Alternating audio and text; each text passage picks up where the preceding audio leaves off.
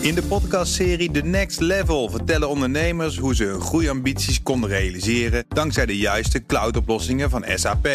Wat waren de uitdagingen, de oplossingen en hoe ging de uiteindelijke implementatie? Benieuwd naar hun verhalen en hoe zij met behulp van SAP ook hun toekomstige ambities kunnen behalen? Luister de podcast The Next Level via de BNR-app of je favoriete podcast-app.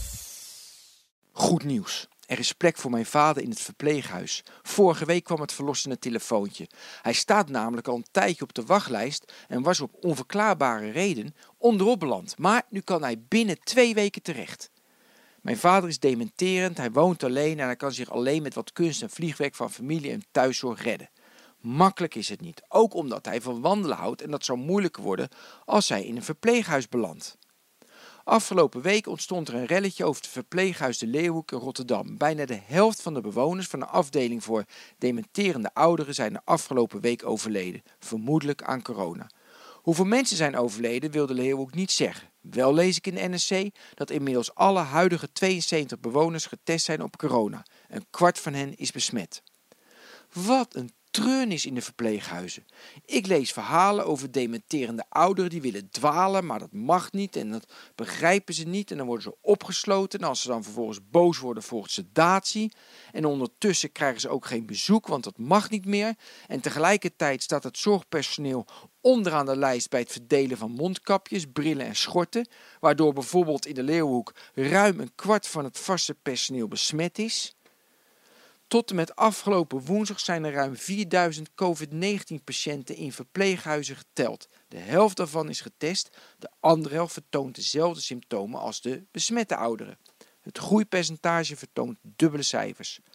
Dat de helft getest is, komt ook doordat de verpleeghuizen minder hoog op de prioriteitenlijst staan van wie wel en niet getest mag worden.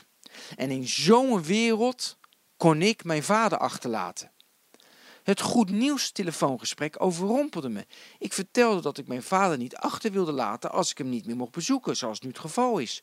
Ook wilde ik weten over, over de mogelijkheden, over het wandelen en ik had nog talloze andere vragen. Ik was in de war. Ik sleepte er uiteindelijk een bedenktijd van 48 uur uit. Diezelfde avond stuurde mijn zwager een brief van het verpleeghuis waar mijn vader terecht zou komen. Citaat. Sinds afgelopen weekend worden een aantal cliënten uit voorzorg in isolatie verzorgd. Bij deze cliënten bestaat het vermoeden dat zij besmet kunnen zijn met het coronavirus. Zekerheid hierover hebben wij niet, omdat testen zeer beperkt worden ingezet.